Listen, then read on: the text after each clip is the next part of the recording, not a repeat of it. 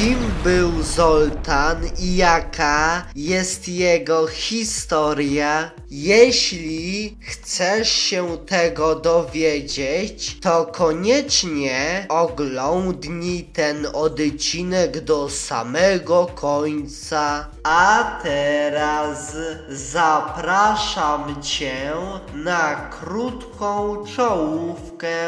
No witam Cię z tej strony Michalos i zapraszam Cię na kolejny odcinek podcastu pod tytułem Niepodległa Historia, w którym specjalnie dla Ciebie omawiam historię Polski i świata bez cenzury i bez zakłamywania i naginania faktów. No dobra, czołówka już się skończyła, a więc teraz możemy przejść do sedna sprawy. No to kim był ten Zoltan? Otóż bohater dzisiejszego odcinka, czyli Zoltan, był drugim z kolei wodzem, władcą węgierskim z dynastii Arpadów i był również synem Arpada, czyli pierwszego władcy Węgier. No dobra, wiemy już kim był ten Zoltan, a więc teraz warto by było poznać jego krótką historię, jego krótką biografię. Historia Zoltana. Zoltan po śmierci swojego ojca, czyli Arpada, otrzymał koczowiska od strony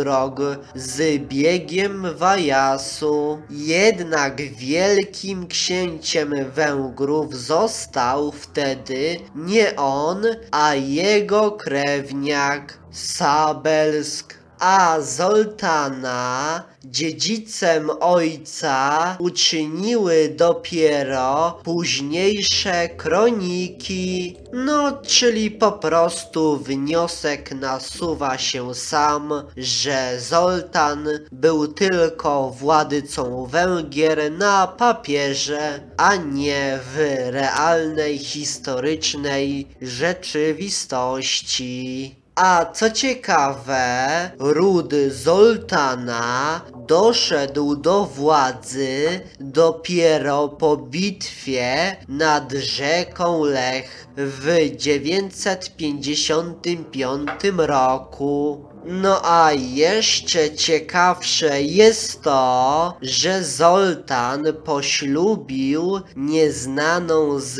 imienia księżniczkę morawską, która przypuszczalnie mogła być córką Mojmira, czyli córką ostatniego znanego władcy państwa wielkomorawskiego.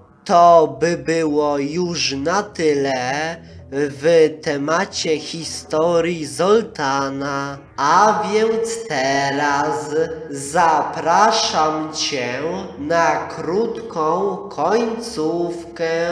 Niestety, ten odcinek dobiega już do końca, więc chciałbym Tobie podziękować za to, że poświęciłeś lub za to, że poświęciłaś swój cenny czas na posłuchanie tego odcinka podcastu Niepodległa Historia. A jeśli spodobał Ci się ten odcinek, to koniecznie podziel się nim z innymi, udostępniając go dalej, na przykład za pomocą Messengera, po prostu wysyłając link swoim znajomym do tego odcinka, czy po prostu za pomocą Twittera, czy po prostu za pomocą Instagrama, czy innego narzędzia, czy innej aplikacji social media. Z góry dzięki za okazaną pomoc w takiej postaci. No dobrze, ja muszę się już żegnać z Tobą, no to do usłyszenia w następnym odcinku. No to cześć, pa!